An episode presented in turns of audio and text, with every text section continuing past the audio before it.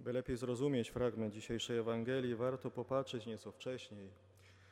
Yy, Wcześniej uczniowie wracają z ewangelizacji i cieszą się z tego, że duchy im się poddają. I Jezus zwraca się do nich mówiąc: Nie cieszcie się z tego, że duchy, demony wam się poddają, ale że wasze imiona zapisane są w niebie, że należycie do wspólnoty z Bogiem.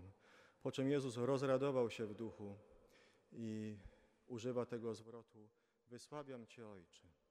Używa tego zwrotu w obecności swoich uczniów, w naszej obecności, bo ten zwrot nam jakoś uświadamia i przypomina o tym, że również i my, tak jak i Jezus, możemy się zwracać do naszego Boga Ojcze, kochany Ojcze, w sposób czuły, życzliwy, serdeczny, intymny.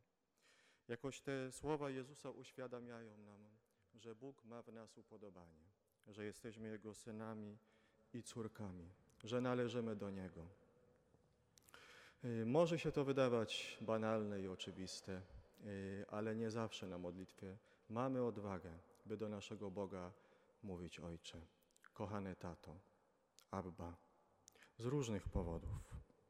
I Chrystus poprzez te słowa, poprzez to, że On tak zwraca się do swojego Ojca, dodaje nam odwagi.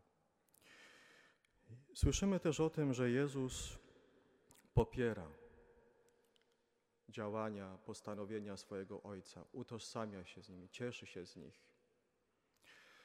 Wysławiam Cię, Ojcze, Panie nieba i ziemi, że zakryłeś te rzeczy przed mądrymi i roztropnymi, a objawiłeś je prostaczkom, dzieciom, czyli komuś, kto chce się uczyć, kto chce poznawać, kto dojrzewa, kto w sobie ma taką dziecięcą ufność.